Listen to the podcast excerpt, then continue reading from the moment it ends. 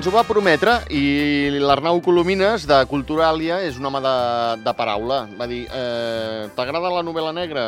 Saps que a l'audiència tens eh, algú que li agrada la novel·la negra? Sí, doncs el proper dia et porto novel·la negra. I aquí el tenim, amb novel·la negra. Arnau Colomines, bona tarda, benvingut. Bona tarda, Xavi. Eh, tu, tu blanc. Tu desprens una àurea blanca. Sí, no. no. és negra, no és negra. Però blanca, és molt avorrit, no? De, desprendre una aureola blanca. Vinga, va, gris si vols. Però, Sí. però és de bon rotllo, o blanca, home. Bueno, posa-li, jo què sé, verd pistatxo, o algo, més divertit. Eh, novel·la negra, va. Va, avui Perdó. parlarem de...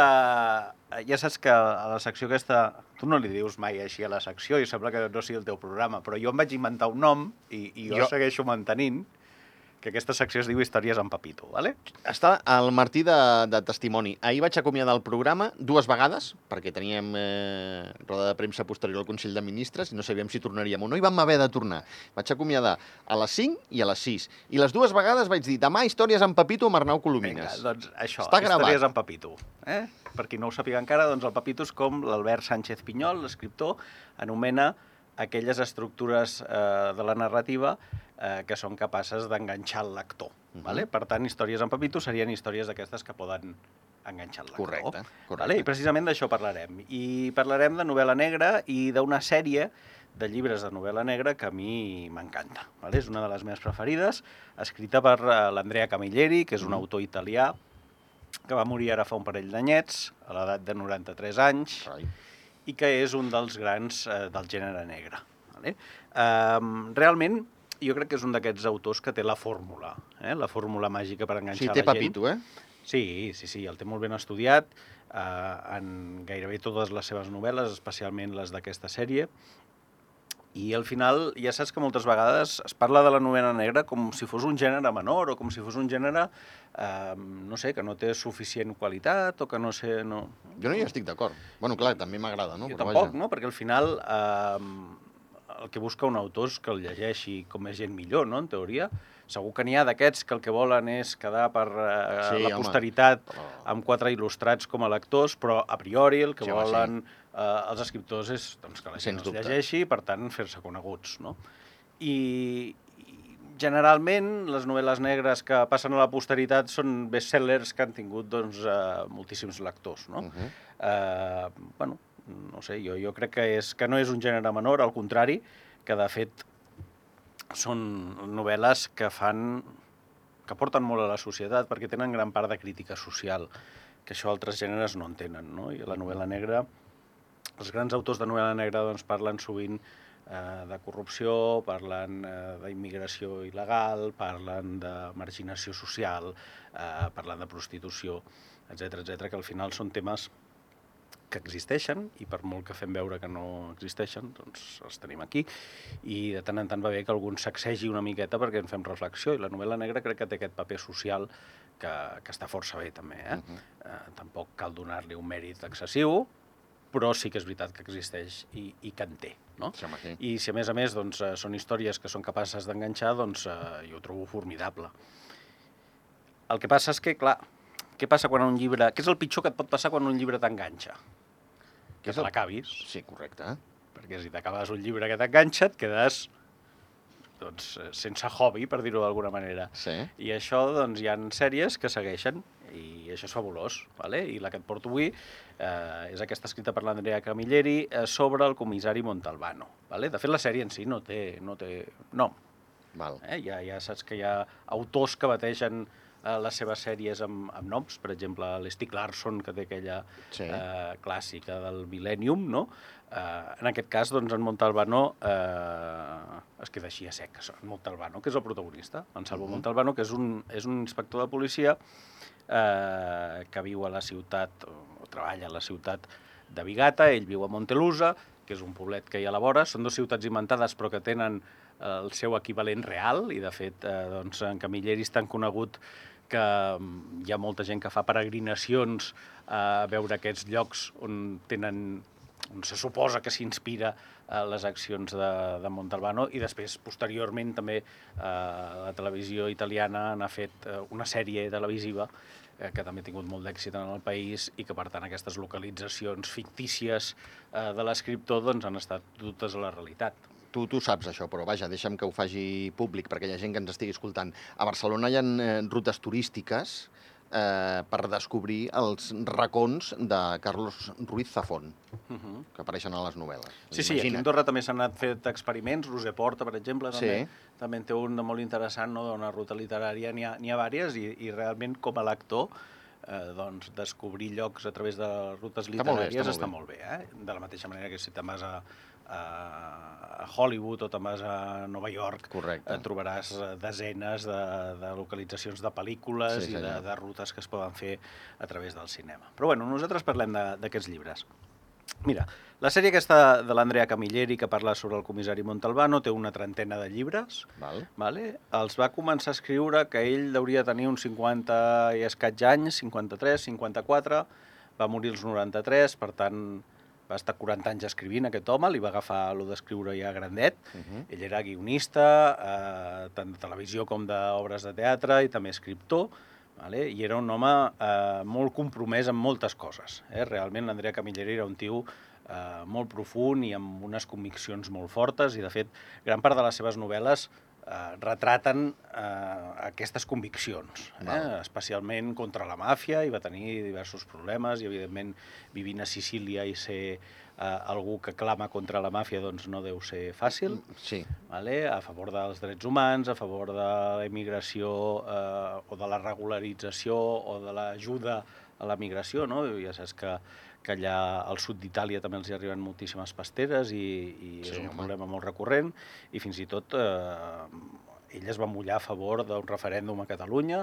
eh, i es va mullar força perquè ell a més de tenir moltíssims lectors catalans, perquè realment la traducció al català és molt bona i, i funciona molt bé, eh, també va ser sovint per Barcelona, el certamen aquest que fan sobre novel·la negra, Sí, Barcelona Negra, sí. Se li han donat diversos premis a Catalunya i, a més a més, eh, doncs, una de les seves inspiracions és el seu amic Manuel Vázquez Montalbán. I d'aquí ve el nom del protagonista, d'en Salvo Montalbano, vale?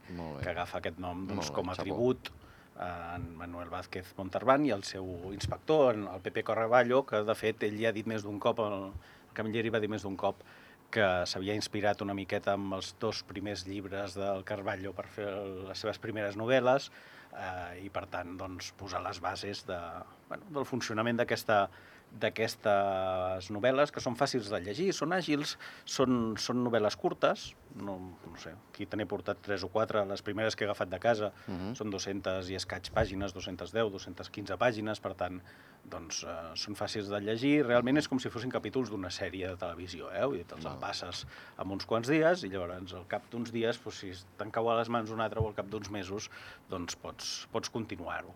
Eh? Hi ha una, una trama de cada llibre en particular, que normalment és això, no? amb, amb molt tenyit de crítica social, en pot haver-hi un sobre mm, prostitució, un altre sobre immigració, eh, un altre sobre la màfia i una subtrama que és una miqueta la vida del, eh, de l'inspector de policia i que es va fent gran. Molt bé. Molt bé.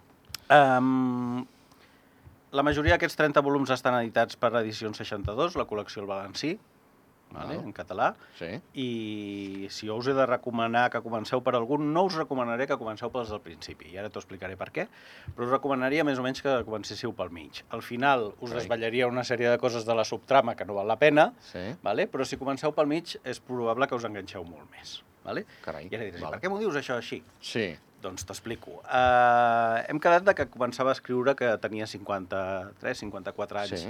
uh, en Camilleri, i ell va començar a escriure en sicilià, però amb Ah. un sicilià molt sicilià. Val. Vale?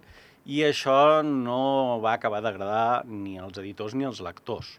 Mm? Perquè ja sabeu que Sicília, eh, perdona, Itàlia, eh, l'italià no, o sigui, no, no és ben bé com aquí que tenim diferents dialectes i que eh, ens podem entendre perfectament tu, jo, un valencià o un rossellonès, Uh -huh. perquè parlem la mateixa llengua que és el català i diferents dialectes en funció dels territoris. Correcte. A Itàlia és diferent. A Itàlia el sicilià és una llengua pròpia. vale? el que nosaltres entenem com una llengua que no és igual que l'italiana, i un sicilià i un italià no s'entendran a no ser que un dels dos canvi a l'italià. Val. Vale? Sempre serà el sicilià, Correcte, sempre passa. correcte. Vale? De tal manera que ell escrivia en sicilià i això no va acabar d'agradar. I el que va fer va ser eh, fer una petita adaptació, amb la qual cosa doncs, eh, va començar a fer parlar en sicilià els personatges més estripats, per dir-ho d'alguna manera, de les seves novel·les i la narració era en italià. Vale? Val. I això sembla que va agradar moltíssim. Val. Molt bé. Uh, I això forma part de la gran tasca que ha fet el traductor d'aquests llibres, que és en Pau Vidal, uh Mhm. -huh. que després, si et sembla, entrarem en, el, en el, la traducció en si. Vale? T'explicava que, que això que va morir, que, que feia 40 anys que escrivia, i va deixar una obra pòstuma que fa més de 10 anys que l'havia escrit en Camilleri, i va dir, aquest és l'últim llibre que vull, entremig n'aniré escrivint fins va, mentre vagi vivent, visquent, però l'obra pòstuma jo la vull deixar, que és el final, diguéssim, no? aquesta obra que eh, es deu estar traduint a hores d'ara i que aviat la podrem llegir. Em sembla que ens en falten un parell per arribar a, a com estava la seva producció italiana, vale? però que podrem llegir-la d'aquí ben poc per veure com acaba realment Carai, eh, la vida d'aquest comissari. Però té certa gràcia no? Sí, que ja deixés tant. escrit l'últim llibre i, I que n'hagués anat, fent, que, que n'hagués anat fent anteriors després. No? Que bo, encara era viu. que bo. Uh, I la veritat és que, com a mínim a casa nostra, és garantia d'èxit, eh? perquè que qualsevol llibre, només treure-li ja se'n venen 5.000 exemplars, per tant l'editorial sap que és un Cavall personatge guanyador. que funciona, i per tant suposo que en el moment de morir-se en Camilleri a l'editorial tothom hauria pensar mare meva, que se'ns en van eh, 5.000 exemplars per l'aigüera d'un dia per l'altre, no? En tot cas, eh, una de les gràcies que té el, el nostre eh, inspector, el nostre policia, és que no és com els policies típics americans de novel·la negra o de pel·lícules, de thrillers que estem acostumats, no? amb molta testosterona, cops de puny, pistoles... No, és un home molt tranquil, eh, és un bon vivant, li agrada molt menjar, de fet, a tots els llibres diverses vegades doncs, ell se'n va a una tratoria d'un amic seu, que ja s'han fet amics, que és amb qui eh, dina cada dia, eh, després se'n va fer un passeig eh, pel port, eh, amb calma, amb tranquil·litat, és una persona reflexiva, és una persona que li costa molt treure la pistola i que, per tant, doncs, eh, fuig una miqueta d'aquell heroi típic de certes novel·les negres, no? Val. Per tant, doncs, ja té una sèrie de coses que, que el fan més graciós o més... Bueno, No, no, i diferent. Vale? Sí, sí. I a més a més, eh, les novel·les es basen en quatre pilars. Vale? Per un costat hi ha els diàlegs, que estan molt ben lograts i molt ben fets. Eh, per l'altre hi ha els personatges, que estan molt ben traçats. Uh -huh. El que és curiós per això és que a Camilleri no li agraden gens les descripcions i al llarg de 30, dia, de 30 llibres tu ets incapaç de saber quina cara fa l'agent de policia. No saps si és alt o baix, si és gras o prim, eh, si és calp o no, si porta barba o no, si du ulleres o no, Carai. eh, perquè pràcticament no hi ha cap descripció d'ell. Val, vale. val. Per tant, eh, això hauria deixat molta feina d'imaginació als guionistes de la sèrie de televisió i molta maniga ampla de dir, mira, Exacte. podem agafar l'actor que ens dongui la gana Exacte. perquè eh, no estem acotats per enlloc. Uh no? Mhm. Eh, els personatges, com et deia, estan molt ben traçats, que aquest seria el segon, el segon pilar. El tercer seria una miqueta eh, l'humor negre dins d'una novel·la negra. No? Hi, ha, hi ha tocs d'humor, no és una novel·la de riure, no, vale? perquè s'investiguen eh, assassinats, s'investiguen eh, morts, vale? perquè si no, no seria una novel·la negra, però sí que és veritat que deixa anar doncs, certs acudits o hi ha Molt coses bé. que fan, que fan certa gràcia, i després la gran... Eh, el gran poder de deducció i d'observació que té el protagonista i que doncs, va resolent casos a través de- d'estar molt atent a les coses. Val. Vale? Coses que podrien passar desapercebudes. Amb doncs, ell, no? eh, sap trobar-li doncs, l'intríngulis per, bé. per després resoldre els casos. Vale? Um, eh, I com et deia, una de les coses que a mi més em fascina i, i la que em va cridar més l'atenció eh, el primer llibre que vaig llegir, que és, el primer llibre me'n recordo perfectament del dia que el vaig llegir, mira que costa això, i que n'he llegit molts, però vaig anar a la meva llibretera de capçalera número 2 eh, i li vaig, li vaig dir, mira, tinc una sèrie de problemes eh, eh, de salut, vull estar tranquil, llegir alguna cosa que em faci desconnectar, que no em faci pensar gaire, però que em distregui, i, i em va dir, té, això és Això. el que has de llegir. I aquell dia vaig al·lucinar perquè no entenia res. Pensar, que mal escrit que està aquest llibre. O sigui, és un llibre que, que, que no que els registres de la llengua se'ls passa per un de llonces, que els dialectes no saps ben bé com està escrit. Això a la primera pàgina o la segona, no? Sí. I a la quarta o la cinquena vaig començar a trobar-li el sentit i ara és una de les coses que més em fascina. El traductor és el Pau Vidal, que ha sigut capaç de fer una feina al·lucinant perquè és capaç de barrejar diferents coses que són complicades a priori, perquè, clar, hi ha diferents registres de la llengua en un llibre de novel·la negra normalment, és a dir, el quinqui, per entendre'ns, Sí. no parla igual que l'inspector de policia, Correcte. que el fiscal o que un polític. És lògic, Sí, no? sí, sí, sí. Doncs ha de jugar amb aquest llenguatge. Però és que, a més a més, en allà hi passen italians, hi passen sicilians, hi passen eh, diferents eh, regions d'Itàlia, amb la qual cosa tampoc parlen igual, no? Uh -huh. Llavors, ell és capaç de posar-te eh, en situació eh, d'una manera molt hàbil amb la llengua i juga molt bé amb les paraules, juga molt bé amb els dialectes i et fa servir diferents dialectes pels diferents personatges, però a vegades fins i tot eh, barreja diferents dialectes en un mateix personatge, de tal manera que tu allò et crida l'atenció i mm, et quedes sorprès, no ho acabes d'assimilar, però ja veus de quin rotllo va aquell personatge, Val. no? De, amb la qual cosa, doncs, eh, sap jugar molt bé i ha sapigut trobar Pau Vidal molt bé aquesta fórmula. Eh? bé. De fet, no tots els llibres els ha traduït ell, els, primer, els primers de tots no són traducció seva, i t'he de dir que la diferència es nota moltíssim, En favor de Pau Vidal, entenc, eh? per tot el que ens estàs sens explicant. dubte. Val. I és que al final, i m'agradaria acabar amb aquesta reflexió, moltes vegades ens trobem amb que eh, un, un bon traductor et fa encara millor un bon autor. És de la veritat, mateixa és- manera és que cert, molts cops és no, cert.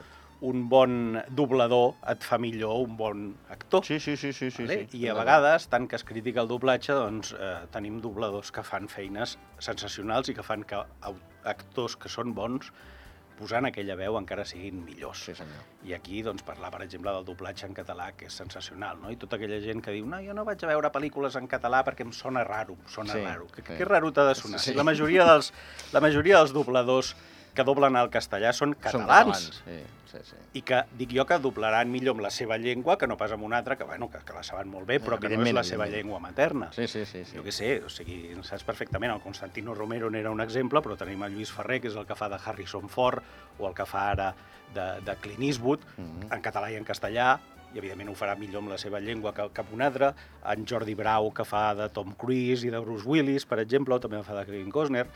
Veure, tens Marta dobladors... Tamarit de Julia Roberts. Tens, Sí, sí, tens sí, sí, dobladors, ha, ha. o la Núria Mediavilla, que fa l'Angelina Jolie, la Sí. Cameron Diaz, la Nicole Kidman... Sí, és a dir, tens dobladors que fan unes feines absolutament Sí, increïbles senyor. i que a vegades doncs, sorprenen perquè fan millor l'actor que la seva versió original.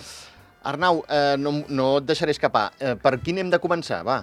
Per aquella gent que digui... Jo t'he dit, jo dit que comencis per un del mig, per exemple, un cau d'escurçons o l'edat Val. del dubte, eh, són, són alguns dels llibres. Però si tu te'n vas a la llibreria, demanes alguna cosa d'Andrea Camilleri, qualsevol que et pugui recomanar el teu llibreter de torn serà bona.